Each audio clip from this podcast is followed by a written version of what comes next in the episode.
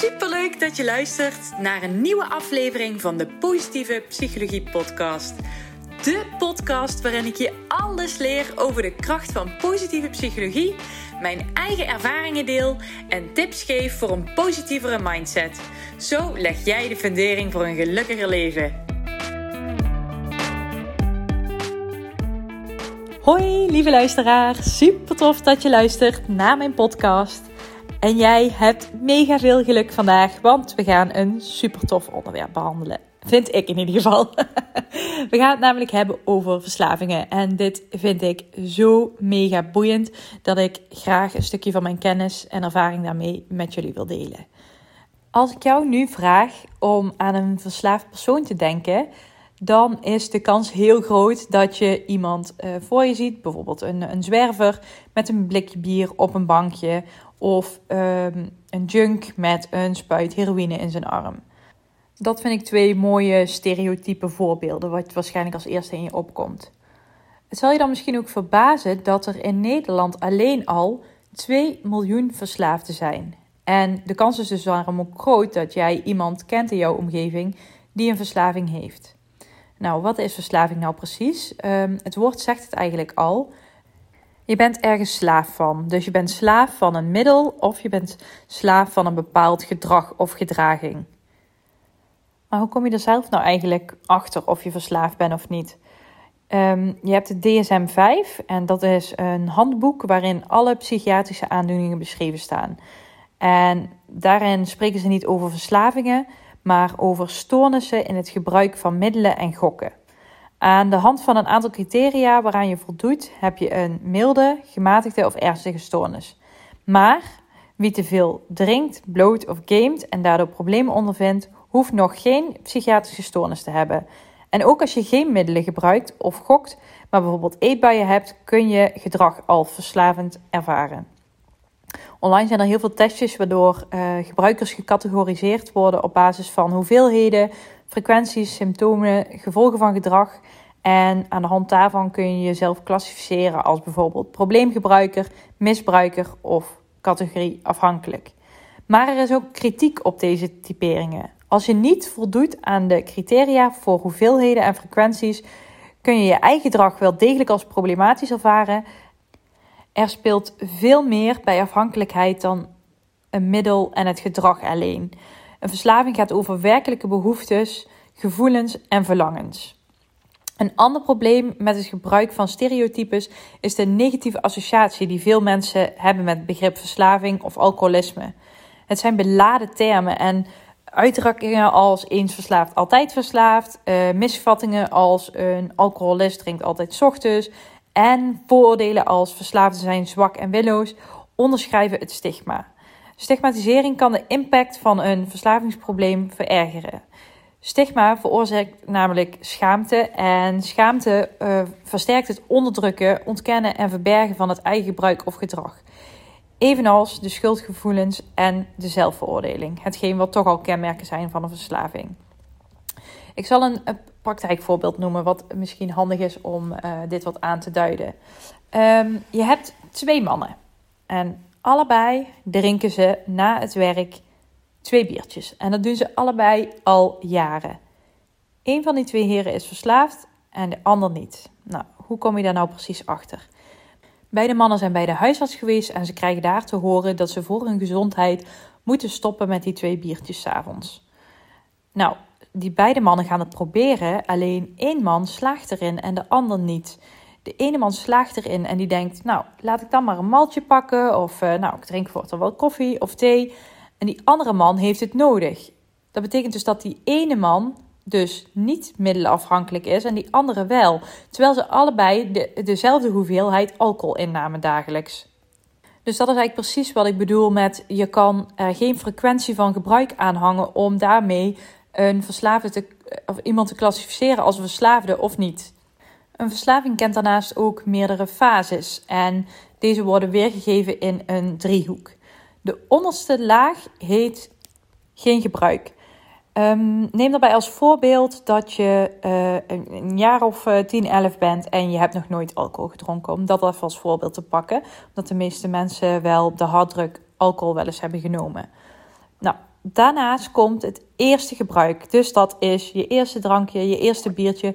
Het eerste moment dat jij ja zegt tegen alcohol. Want je hebt nog tussen geen gebruik en het eerste gebruik altijd de ruimte om nee te zeggen. Dus zolang jij nee zegt tegen een middel, kom je niet in de eerste laag. En dat is het eerste gebruik. De tweede laag die komt daarna en dat is het experimenteren. Dus wederom met alcohol als voorbeeld. Ehm, als ik kijk naar mezelf, ik mocht echt voor mijn zestiende echt absoluut niet drinken. Ik ben 31, dus toen ik ging ehm, experimenteren met alcohol, toen uh, mocht je nog drinken op je zestiende. En ik weet, uh, vanuit thuis was het echt absoluut verboden om voor mijn zestiende te drinken. Maar um, bij vriendinnetjes werd er anders mee omgegaan. Dus ik dronk toen wel eens wat bij vriendinnetjes. Heel stiekem. Dan hadden ze van die gore oezo of zo in de, de kast staan. En gingen we daar stiekem een shotje van nemen om eens met alcohol hè, kennis te maken. Op, ja, nou, niet op een, beetje op een stiekeme manier. Nou, op een gegeven moment word je ouder en uh, mag je ook op een gegeven moment ook legaal gaan drinken. En op een gegeven moment ontdek je dan ook een beetje waar je grenzen liggen. Nou, en dan kom je dus in de derde laag aan. En dat is geïntegreerd of sociaal gebruik. Dus je gebruikt het met enige regelmaat, maar er is zeker geen mate van problematiek.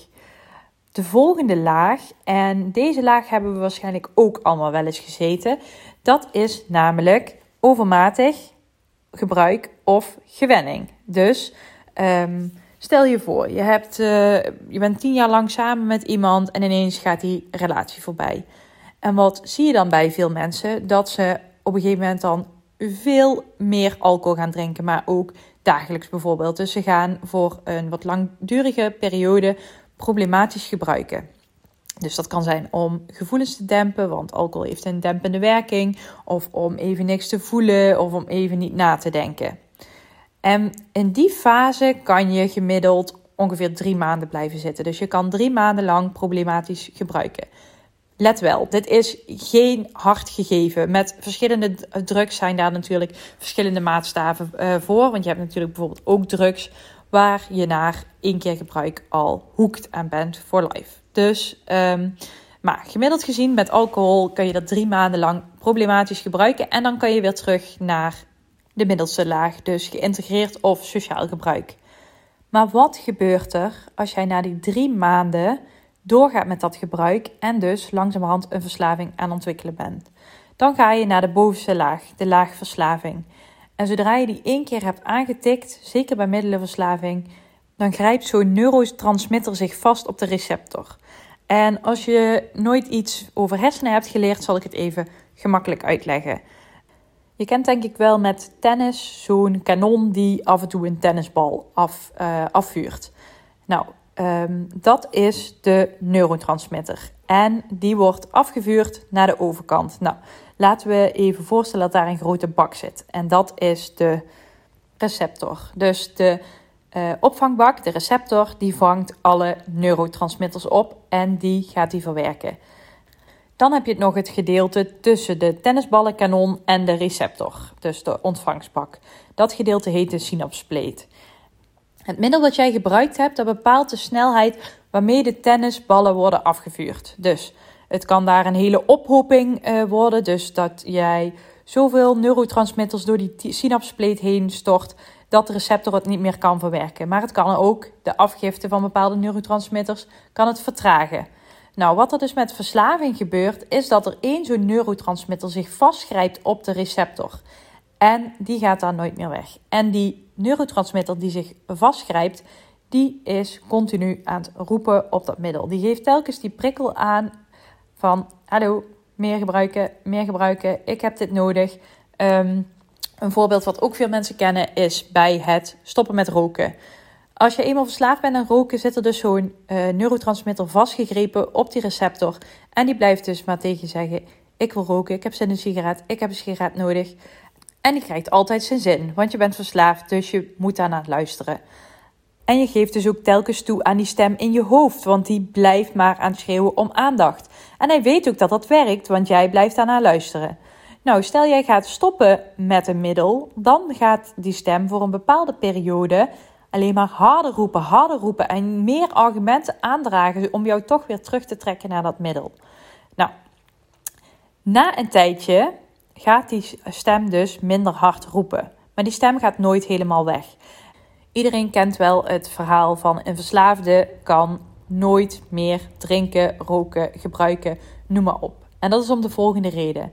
Iedereen kent namelijk wel iemand die ooit is gestopt met roken en toen toch weer een sigaretje nam en de week daarna nog eentje en toen weer een half pakje, een pakje, nou ja, enzovoort. En weer terug naar verslaving. Dat komt namelijk dat op het moment dat die hersenen die eerste sigaret voelen, dat die stem die eindelijk het zwijgen is opgelegd, in één keer denkt: Woehoe, ik ga weer lekker schreeuwen, want ik heb mijn zin weer gekregen. Dus die, uh, die neurotransmitter begint weer als een malle op die receptor te duwen om dat signaal af te geven. En de eerste periode ben je nog sterk genoeg om dat te negeren, maar binnen no time ben je weer terug verslaafd. En dat maakt het zo lastig om van verslaving weer terug te gaan naar recreatief gebruik. Dat lukt eigenlijk niemand. Dan heb je nog de andere uitzondering en dat zijn de gedragsverslavingen. Dus denk aan een seksverslaving, een eetverslaving, een gameverslaving, een gokverslaving, een telefoonverslaving. Nou, ga zo maar door. Ehm, en dat maakt het lastiger, want als je bijvoorbeeld een eetverslaving hebt, dan ben je verslaafd aan een middel wat je nodig hebt om in leven te blijven. Je kan wel stoppen met alcohol, maar je kan niet stoppen met eten. Dus dat is op zijn eigen manier is dat lastiger. Dus dan zit je niet met zo'n neurotransmitter die vastzit op jouw receptor, maar dan zit je met een gedragsverslaving. Maar er is goed nieuws, want anders zou het ook niet de positieve psychologie podcast zijn. Van elke verslaving is te genezen. Je hebt daar alleen de juiste hulp voor nodig en je hebt daar ook heel veel tijd en geduld voor nodig. Daarnaast, iedere verslaafde die wordt geholpen, of je, ongeacht of jij nou een middelenverslaving hebt of een gedragsverslaving, valt een keer terug. En dat is heel gewoon, want um, als jij op een gegeven moment gaat veranderen, dan maakt jouw hersenen nieuwe verbindingen aan. Um, maar um, even kijken, wat is een makkelijk voorbeeld om dat uit te leggen? Je weet de weg naar je huis, van je werk naar je huis. Die weg die ken je met je ogen dicht. Maar ineens moet jij 15 andere wegen nemen. Ben je anderhalf uur langer onderweg. Moet je overal van links naar rechts. En uh, je moet zonder Google Maps rijden. Nou, je kan je voorstellen dat het behoorlijk lastig is. Maar het is niet niet te doen. Want als je dat een paar keer hebt gedaan, leer je die route kennen. Dus in het begin zal dat moeilijk zijn, maar het wordt steeds makkelijker. Dus je leert je hersenen een nieuwe route te nemen. Maar wat gebeurt iedereen wel eens? We zijn gewoontedieren, dus het kan altijd voorkomen dat je na maand, na jaar, na vijf jaar in één keer uit gewoonte per ongeluk die korte route naar je werk neemt. Gewoon omdat je dat zo gewend bent. Nou, dat heet dus een terugval en dat kan echt iedereen overkomen, ongeacht welke verslaving je, je hebt. Het mooie aan zo'n terugval is dat het super leerzaam is, want je bent dus in een valkuil getrapt en je gaat ervoor zorgen dat het je niet nog een keer gaat gebeuren. Daarnaast, als je uit die terugval wilt komen, heb jij voordat je um, wat gestopt met jouw middel of met die gedragsverslaving, heb je al zoveel tools aangeleerd gekregen om weer terug die grip uh, op die verslaving te krijgen. En ik kan me voorstellen dat je terwijl je dit aan het luisteren bent denkt, nou, verslaving dat gaat mij nooit overkomen. En toch kan het iedereen gebeuren, want er hoeft maar net het juiste te gebeuren in je leven. Er hoeft maar een paar pilaren om te vallen. Je verliest ineens je baan, je relatie, of je komt toevallig een keer in aanraking met een middel. En jouw hersenen leggen meteen die connectie en je bent gewoon verslaafd. Het kan iedereen gebeuren. Het maakt niet uit of het nou middel of een gedragsverslaving is. Misschien val ik in herhaling, maar verslaving komt in alle lagen van de samenleving voor. Dus arme mensen, rijke mensen, jonge mensen, oude mensen, iedereen heeft een bepaalde vatbaarheid voor een verslaving. En het mooie is dat ik heel veel van verslavingen weet en daar met andere mensen mee kan helpen, maar ik kan mezelf niet helpen. Ik heb namelijk in de loop der jaren twee verslavingen ontwikkeld: een koopverslaving en een eetverslaving. En daar ben ik onlangs pas achter gekomen dat ik die verslavingen heb. En dat die verslavingen voor mij zijn een kopingsmechanisme.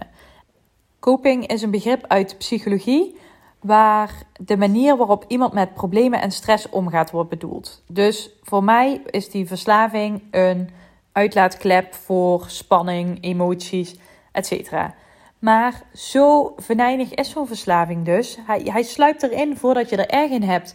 Want zelfs na er zoveel over gelezen te hebben en er zoveel over geleerd te hebben, heb ik het niet eens bij mezelf herkend dat ik er twee had. Dat is toch bizar? Zo gluipend, zo geniepig sluipt het erin. En ik weet niet of je bekend bent met de verschillende stadiums van gedragsverandering. Ehm, je start dus met een stukje voorbeschouwing. Dus daarin heb ik dus heel lang gezeten. Ik had niet eens, ik wist gewoon niet eens dat ik een verslaving had. En um, op een gegeven moment gaan de nadelen van die gedragingen, of misschien wel van het middelengebruik, um, maar in mijn geval van mijn gedragingen, gingen mij alleen maar nadelen op, opleveren. Dus in het geval van mijn koopverslaving werkte ik mezelf steeds dieper en dieper en dieper in de schulden. Nog zonder dat ik door had dat ik een verslaving had. Met mijn eetverslaving ging ik steeds maar meer en meer en meer en meer eten, waardoor ik aankwam op de weegschaal. Dus die nadelen die stapelden zich allemaal op en daarvan kreeg ik last. En toen kwam ik in de eerste, sorry, in de tweede fase van gedragsverandering. Dus één is de voorbeschouwing. Je hebt, uh, je hebt eigenlijk niet echt eh, in de gaten dat er iets aan de hand is, of je hebt eigenlijk überhaupt nergens last van.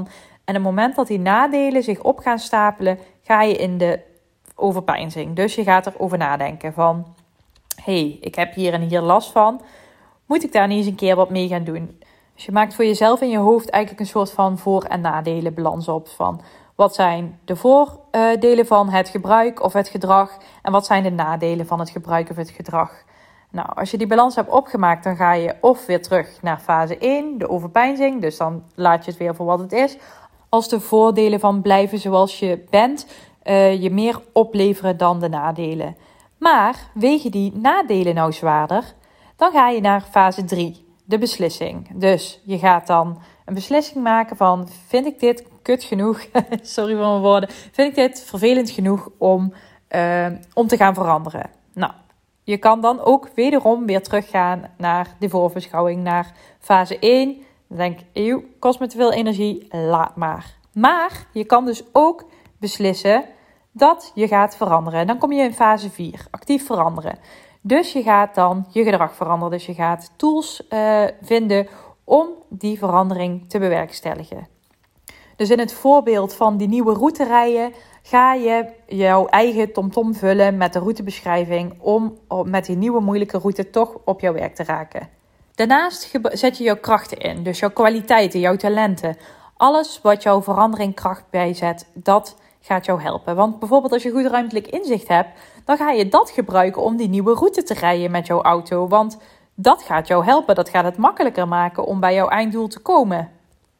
En na lang genoeg volhouden, dus met de meeste gedragsveranderingen is dat zes weken, maar in het geval van een middelenverslaving kan dat langer zijn. Na die zes weken rij jij met je ogen dicht naar je werk toe. die lastige route zonder tomtom, dan lukt het je gewoon. En die dagen daarna gaat het je ook gewoon lukken, want je hebt een nieuwe gewoonte aangeleerd. Hoe cool is dat? Dus het is daarna nog enkel een kwestie van volhouden. En um, het kan dus altijd, zoals ik al zei, gebeuren dat je een terugval krijgt. Dus dat je per ongeluk nog een keer de verkeerde route neemt. Maar je weet dus ook al donders goed die nieuwe alternatieve route. Dus als je een keer vergist, dan kun je gewoon weer opnieuw die moeilijke lange weg gaan rijden. Want die is inmiddels niet moeilijk meer, want je kent hem al. En dat is op dit moment precies de fase waar ik in zit, in ieder geval met mijn eetverslaving. Ik ben dus nu bezig met terugvalmanagement. Dus ik ben mezelf aan het voorbereiden op die terugval die ooit gaat komen. Zodat als het me gebeurt, ik weer zo snel mogelijk de controle erover heb en die terugval tot een minimum probeer te beperken. Nou, waarom heb ik dit nu allemaal verteld? Waarom heb ik nu van alles verteld over verslaving, over gedragsverandering, over die fases? Omdat dit iets is wat ik doe met mijn uh, coachingstraject Motivational Movement.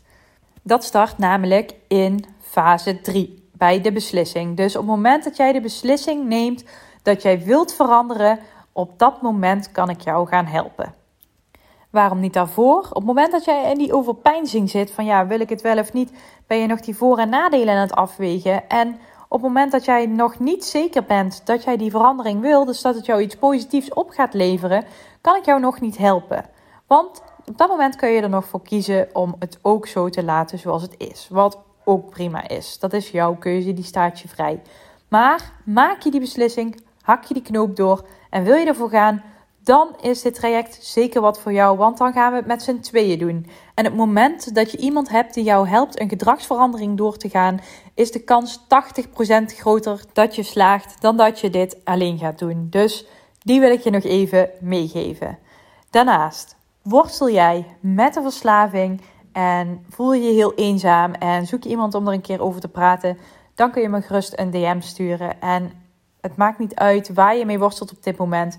Ik kan je in ieder geval een luisterend oor bieden en er voor je zijn en ervoor zorgen dat je je even gewoon wat minder alleen voelt. Het wil niet zeggen dat ik je ook meteen van je verslaving af kan helpen, dat niet per definitie. Alleen ik wil gewoon dat je weet dat er iemand voor je is die er naar je luistert. Goed, wil je meer informatie over mijn coaching traject Motivational Movement, dan vind je dat op de website. En daarnaast in mijn highlights in Instagram zie je ook uh, reviews van mensen die het eerder hebben gevolgd. Dus kijk daar eens naar en wellicht is het wat voor je. Daarnaast wil ik jullie wederom mega bedanken voor het luisteren. Ik hoop dat jullie het net zo tof, interessant en boeiend vonden als ik zelf. En ik hoop dat je de volgende keer ook weer luistert. Fijne dag nog vandaag en tot de volgende keer. Heel erg bedankt voor het luisteren. Mocht je deze aflevering interessant hebben gevonden, maak even een screenshot, deel het in je story en tag me op Instagram. Mijn accountnaam is Eline Verbeek underscore online coaching. Zo gun je ook anderen een positieve mindset. En ik vind het heel erg leuk om te zien wie er allemaal geluisterd hebben. Tot de volgende keer!